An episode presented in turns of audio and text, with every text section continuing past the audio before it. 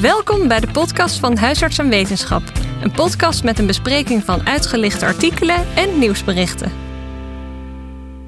Welkom, beste luisteraar, bij deze nieuwe podcast. Ik ben Femke Veldman en ik ben in gesprek met Rutger Middelburg in deze podcast. Hallo Rutger. Dag Femke. Uh, wij gaan het vandaag hebben over liraglutide. Is dat nou het tovermiddel voor overgewicht? En dit is de eerste podcast die wij vanuit Huisarts en Wetenschap aanbieden als een podcast only. Dus dat betekent geen artikel in het Huisarts en Wetenschap, maar alleen maar een podcast over dit onderwerp.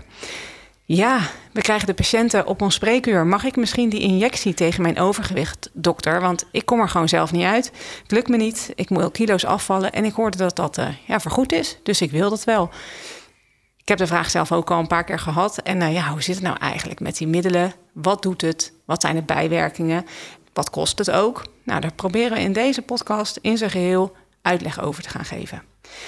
En ik ben dus in gesprek met Rutger Middelburg. Hij is epidemioloog, assistent professor bij afdeling Public Health en eerste lijns geneeskunde van het Leids Universitair Medisch Centrum en redacteur bij het Geneesmiddelenbulletin. Nou, leuk Rutger dat we het hierover kunnen hebben. Ja, zeker. We gaan het dus hebben over de uh, liraglutide. Dat is een GLP-1-agonist. En uh, daar maar eens eerst over. Wat, ja, wat zijn dat nou, de GLP-1-agonisten? Uh, nou, GLP-1-agonisten, dat staat voor uh, glucagonachtig peptide 1-receptor-agonisten. Dus die activeren de glucagonachtig peptide 1-receptor. Uh, daardoor stimuleren ze de glucoseafhankelijke insulinesecretie van de beta-cellen van de pancreas. Ze onderdrukken glucagonafgifte, waardoor de hepatische glucoseafgifte daalt. En ze vertragen de maaglediging, waardoor glucose uit het voedsel minder snel wordt opgenomen. Daarnaast zorgen ze ook voor een toename van uh, het verzadigingsgevoel en uh, minder gevoel van trek en uh, honger. En dat is vooral aangetoond voor liraglutide. Um, ja, deze middelen zijn dus ook eigenlijk ontwikkeld voor mensen met type 2 diabetes. En normaliseren in die mensen de glucosespiegels. Ja, dus wat moeilijke woorden met insulinesecreties, glucagonafgiftes. Maar uiteindelijk bij de patiënt uh, zorgt het voor ja, wat betere glucosehuishouding en vertraging van de maaglediging, waardoor het glucose uit het voedsel dus ook minder snel wordt opgenomen. En een toename van het verzadigingsgevoel. Uh, daardoor dus vermindering van gevoel van trek en honger. Ja, dat klopt. Ja. En er zijn dus verschillende middelen in deze groep, waaronder uh, lixisenatide, exenatide en uh, dulaglutide, die relatief weinig uh, voorgeschreven worden. Het dulaglutide is ook de enige waarbij geen uh, gewichtsverlies is aangetoond. liraglutide, die nu dus vergoed gaat worden, die is er in verschillende versies voor gebruik bij diabetes en bij beheersing van overgewicht bij mensen zonder diabetes. Onder de merknaam Victoza wordt het verkocht voor diabetes en Saxenda voor de mensen met overgewicht. Dan is er nog semaglutide op de markt. Die is uh, wat effectiever dan uh, liraglutide. Effectiever in gewichtsverlies of effectiever in de diabetes? Uh, allebei lijkt die het iets okay. beter te doen. Hij lijkt gewoon iets, ja, iets sterker te werken. En terzepatide komt eraan. Die lijkt nog beter te werken, maar die is nog niet geregistreerd. Oké. Okay. En die is nog niet geregistreerd voor diabetes is, en gewichtsverlies? Ja, die is nog helemaal niet geregistreerd. Nee. Die, ligt, die ligt nog bij de EMA. Ja. We hebben het over dat het effect heeft op het gewicht, een uh, GLP-1-agonist. Um, kan je omschrijven hoeveel gewichtsverlies dat is? Um, nou, dat uh, wisselt een beetje tussen de verschillende uh, GLP-1-agonisten. Maar um, bijvoorbeeld voor liraglutide is dit in een grote studie met ongeveer 3.500 proefpersonen onderzocht. En dan blijkt dat in de placebo-groep ook al bijna 30% meer dan 5% gewichtsverlies heeft. En in de liraglutide groep is dat uh, bijna 65% Dus dan denken we dat die extra 35% dat dat de mensen zijn die gereageerd hebben op liraglutide en daardoor 5% of meer zijn afgevallen. En deze ja, responders die uh, reageren over het algemeen tijdens de eerste drie maanden al met 5% gewichtsverlies of meer. En daarom wordt ook aangenomen dat als je binnen drie maanden dat gewichtsverlies niet ziet, dat het ook geen zin meer heeft om door te gaan met liraglutide. Hmm. Ja, dus je hebt het over responders. Uh, en dan versus non-responders. Responders is dus iemand die meer dan 5% gewichtsverlies heeft in die eerste drie maanden. Ja, dat en dat is dan die 65% van de liraglutide gebruikers. Ja, in principe wordt 65% van de liraglutide gebruikers aangemerkt als responder. Maar we weten dus uit die studie dat 30% ook responder zou zijn op placebo. Dus we denken dat eigenlijk maar 35% echt op de liraglutide reageert. Ja. En die andere 30% die reageert waarschijnlijk op het uh, gecombineerde leefstijlinterventieprogramma wat ze ook krijgen. Ja. En nu heb je het over gewichtsverlies van 5%. Is dat het doorgaans ook of is het, heeft het een bepaald gemiddelde van meer of minder procent? Uh, ja, binnen de respondergroep is het gewichtsverlies na een jaar ongeveer 10% bij, de, bij liraglutide. Maar omdat dat dus iets meer dan de helft van de gebruikers is, is het gemiddelde gewichtsverlies dus uiteraard wat lager. Dat is dan rond de 5%. Ja. Dus op zich 65% die respond in de liraglutide groep, dat is op zich een mooi aantal. Maar 30% die reageert ook in de placebo groep met gewoon glie. Dus dat is, ja, dat is ook eigenlijk een heel mooi percentage al ja, zonder medicatie. Ja, ja, zeker. Ja. Wat nou met die mensen die dus gewicht verliezen? Uh, moet je daar dan het liraglutide van doordoseren daarna? Uh, ja, er zijn uh, studies gedaan naar het afbouwen en dat kan dus eigenlijk niet. Dan komt het gewicht heel snel weer terug. Dus eigenlijk is het idee op het moment dat je het waarschijnlijk levenslang door moet blijven geven om het gewichtsverlies te handhaven. Ja, dus of stoppen na die drie maanden als er helemaal niks gebeurt, dan ben je een non-responder. En als je uh, het gewichtsverlies krijgt en je wil het behouden, dan moet je het levenslang slik, uh, spuiten. Ja, dat ja. klopt. Ja. Ja, ja. Hey, en wat zijn de bijwerkingen? De meest voorkomende bijwerkingen zijn uh, gastrointestinaal. En dan gaat het ja, misselijkheid, diarree, braken. Die worden omschreven als matig in ernst, maar zijn soms wel een reden om te stoppen met de behandeling. Verder ook algemene dingen zoals reacties op de injectieplek uh, en hoofdpijn, duizeligheid en ook hypoglycemie. Hoewel het risico op hypoglycemie in verhouding met andere diabetesmedicatie wel als laag wordt omschreven. Specifiek bij liraglutide is ook omschreven dat het tachycardie kan veroorzaken, vooral als het niet in combinatie met een uh, bewegingsprogramma wordt gebruikt. Dus daarom is bij liraglutide de uh, gecombineerde leefstijlinterventie extra belangrijk. Dat is wel belangrijk om dat, om dat inderdaad te weten. Ik had daar geen uh, idee van. Dus als je dat dan dus al geeft, dan moet iemand echt bewegen. Dat ja. is wel een hele goede motivatie om je aan het GLI-programma te houden. Dus misschien dat het daarom ook wel zo goed werkt. Maar uh, dus tachycardie is een bijwerking. Maar als je aan het uh, gewichtsprogramma meedoet, of het uh, bewegingsprogramma meedoet, dan is die tachycardie weer minder. Ja, dat klopt. Ja. Dan, dan is er nog steeds wel een licht verhoogde gemiddelde hartslag, maar dat zien we bij alle GLP-1-agonisten. Okay. En dan hebben we nog wat zeldzame bijwerkingen die wel uh, een stuk ernstiger zijn. Dat is onder andere pancreatitis en diverse gal- en galblaas-gerelateerde complicaties. En er is mogelijk een verhoogd risico op melanoom, schildkliercarcinoom en pancreascarcinoom. Maar dat is alleen in dierproeven aangetoond. Hm.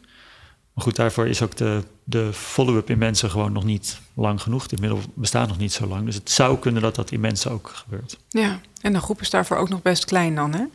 Ja, ja op het moment wel nog. Ja. ja. En dat zijn wel hele heftige bijwerkingen als je het hebt over 5% gewichtsverlies, wat het dan uh, geeft. Ja. Tot 10. Nou ja. Oké, okay. Nou, en dan, je, je, meldde in het begin verschillende soorten uh, GLP-1-agonisten. En de een wordt wel vergoed, de ander niet. De andere uh, staat al wel in de markt of is geregistreerd. Uh, hoe werkt dit? Ja, er zijn er inderdaad meerdere.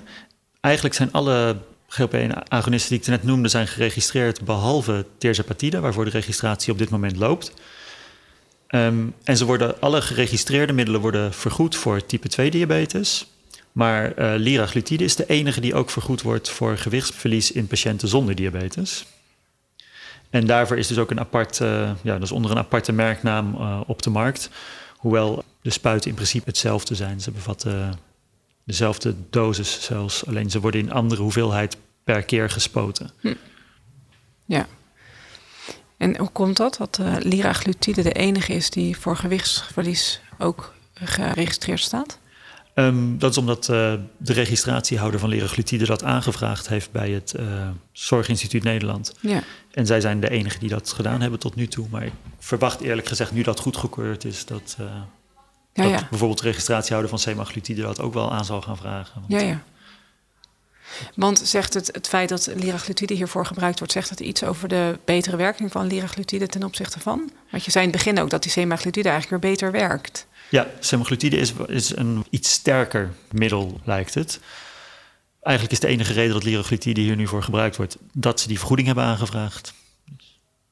Het zegt helemaal niet dat het dat, dat dus of qua bijwerkingsprofiel of werkingsmechanisme dat het beter is. Dat heeft er uh, nee, zeker niet qua werkingsmechanisme. Qua bijwerkingsprofiel geeft het iets minder van bepaalde bijwerkingen dan uh, semaglutide. Semaglutide geeft van de algemene gastrointestinale bijwerkingen geven ze iets hogere uh, incidentie. Aan de andere kant is voor semaglutide zijn juist de ernstigere bijwerkingen, zoals de tachycardie en de mogelijke associatie met verschillende soorten kanker, zijn juist niet omschreven voor uh, semaglutide. Dus ja, wat dat betreft denk ik dat het uiteindelijk, ja, dat we op dit moment nog niet echt kunnen zeggen of welke het gunstigste bijwerkingenprofiel heeft over het uh, totale plaatje gezien. Hm. Uh, ja, en we hebben het natuurlijk ook eerder gehad over uh, terzepatide, die uh, nog niet geregistreerd is. Maar uit studies blijkt die wel, lijkt die nog effectiever te zijn dan de semaglutide. Want terzepatide kan tot wel 20% gewichtsverlies geven. Dat is een stuk meer nog, ja. Ja, dan hebben we het zo over, de, mm, over het gewichtsverlies met name. En dat het effect heeft op de suikers. Maar um, hoe zit het nou met de echte cardiovasculaire eindpunten? Is dat ook beter? Uh, nou, voor patiënten met uh, type 2 diabetes mellitus en een verhoogd cardiovasculair risico is aangetoond dat uh, het aantal cardiovasculaire eindpunten inderdaad afneemt. Um, dat is ook niet heel dramatisch, maar het is met een half procent in één jaar en 1,9 procent in 3,5 jaar. Maar dat is waarschijnlijk gemedieerd, in ieder geval voor een belangrijk deel, door normalisering van de bloedglucosespiegels. En bij obese mensen zonder diabetes mellitus is dit natuurlijk niet van toepassing, omdat de bloedglucosespiegels al normaal zijn. Dus het effect op uh, cardiovasculaire eindpunten in patiënten zonder diabetes mellitus type 2 is niet te voorspellen en is ook nog niet in studies uh, onderzocht. Ja, dus als ik het goed begrijp, uh, liraglutide dat geeft dus een klein gewichtsverlies. Uh, maar de echte gezondheidswinst uh, is verder onbekend. Wel bij mensen met diabetes type 2 geeft het wat minder cardiovasculaire eindpunten. Maar het is niet bekend wat het doet bij mensen zonder diabetes type 2 op de cardiovasculaire eindpunten. Het, het is wachten op meer onderzoek, lijkt me. Ja, dat klopt. ja.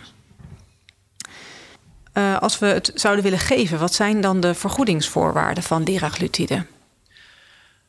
Um, nou, dat is best een rijtje. Er wordt niet te makkelijk mee gedaan.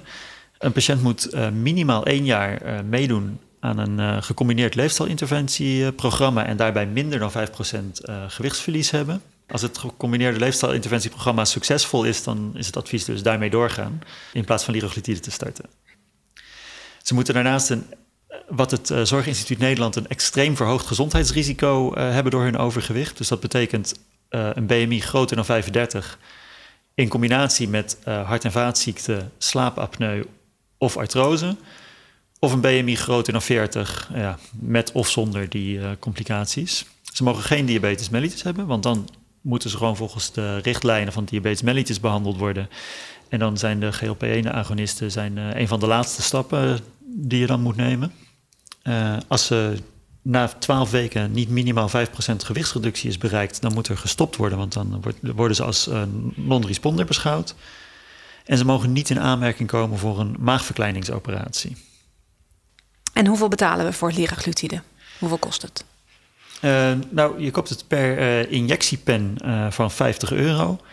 En zo'n pen bevat 3 milliliter van een oplossing met 6 milligram per milliliter erin omdat een dosis voor gewichtsverlies uh, eh, 3 milligram één keer per dag is, kom je dan uit op ongeveer 2600 euro per persoon per jaar. Ja, dus je moet dagelijks prikken en dan totaal 2600 euro per jaar. Ja. ja.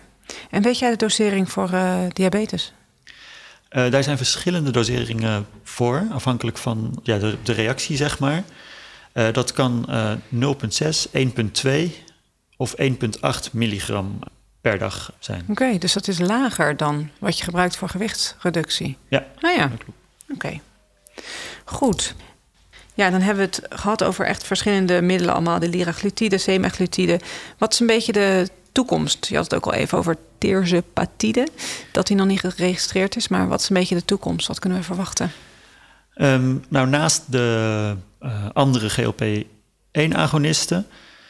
Uh, waaronder dus terzepatide en uh, semaglutide... waarvan ik toch verwacht dat die op termijn ook allebei... voor deze indicatie wel vergoeding zullen aanvragen wordt per 1 juli waarschijnlijk Misimba vergoed. Dat advies heeft het Zorginstituut in ieder geval aan het ministerie gegeven. En dat is een combinatiepreparaat van bupropion en naltrexon. Dus dat heeft een heel ander werkingsmechanisme en het effect is nog veel kleiner. Dus ik, ik zie dat zelf als een beetje mosterd na de maaltijd. Nu de liraglutide al vergoed wordt om nu nog een middel met een veel kleiner effect te gaan vergoeden. Maar misschien voor hele uh, specifieke patiënten die niet goed reageren op liraglutide, zou het misschien een optie kunnen zijn. En uh, daarnaast is nog een aanvraag voor vergoeding in behandeling voor setmelanotide onder de merknaam Imkivre. Maar dat is alleen voor de behandeling van genetische obesitas, dus dat is een hele kleine groep. Nou, nu zijn we een beetje aan het einde gekomen. Er is veel gezegd over cijfers en wat het wel en wat het niet doet. Zou je een beetje een algemene samenvatting kunnen geven van nou, wat draagt er nou eigenlijk bij, die liraglutide? Ja, tuurlijk. Ja, wat dus aangetoond is, is dat het uh, gewichtsverlies geeft. En wat niet aangetoond is, is dat het uh, daadwerkelijk gezondheidswinst uh, oplevert. Over het algemeen wordt wel aangenomen dat gewichtsverlies bij personen met obesitas wel een, waarschijnlijk een positief effect op de gezondheid zal hebben. Maar aan de andere kant weten we ook dat de manier waarop het gewichtsverlies uh, wordt bewerkstelligd bepa mede bepalend is uh, voor de gezondheidswinst die ermee te halen is. En daarom kunnen we eigenlijk, zonder dat het rechtstreeks bewezen is, niks zeggen over mogelijke gezondheidswinst. Ja, daarmee is toch het behandeldoel in deze groep 5% gewichtsverlies geworden zonder harde gezondheidseindpunten. En daarbij ja, moeten deze mensen toch levenslang uh, behandeld worden om dat gewichtsverlies te, te handhaven. Ja, het is nogal wat, hè? Dat je bijvoorbeeld met 120 kilo, dat je dan 6 kilogram hierdoor verliest. En dan moet je dus je, de rest van je leven moet je voor die 6 kilogram moet je dagelijks een spuit plaatsen. En doorgaan met het uh, gecombineerd leefstijlinterventieprogramma. Ja. Want dat moet er ook verplicht bij. Ja, want anders krijg je weer tachycardieklachten. Ja. ja. ja. En je zit dan nog geen eens in de buurt van een normaal gewicht. Nee. Dus dat is een, ja, een behoorlijke belasting, denk ik. Ja, ja, ja. Nou, volgens mij zijn wij niet onverdeeld positief over, over dit middel. Maar we weten nu wel meer over de bijwerkingen, de voordelen, de nadelen, um, wanneer het vergoed wordt. Nou, Rutger, mag ik jou hartelijk danken voor dit uh, overzicht over uh, deze groep medicijnen. En uh, we wachten het af wat, het, wat de rest gaat worden qua wat vergoed wordt en wat geregistreerd gaat worden. Ook na dit gesprek bleven er nog enkele vragen over over de vergoedingsvoorwaarden van liraglutide in het kader van glie- en metabole chirurgie. Er volgen nu nog vier overgebleven vragen met hun antwoorden. Hiervoor is onder andere gebruik gemaakt van het document Vragen en antwoorden over de vergoeding van liraglutide. En dat document zullen we toevoegen aan de show notes. Nou, dan gaan we van start. Vier vragen in totaal. De eerste vraag. Wanneer wordt liraglutide vergoed als iemand aan een GLI-programma meedoet? Het antwoord is dit. Liraglutide wordt vergoed als er minimaal één jaar aan een GLI-programma is meegewerkt en daarbij niet voldoende is afgevallen. Deze regel geldt sinds juli 2022.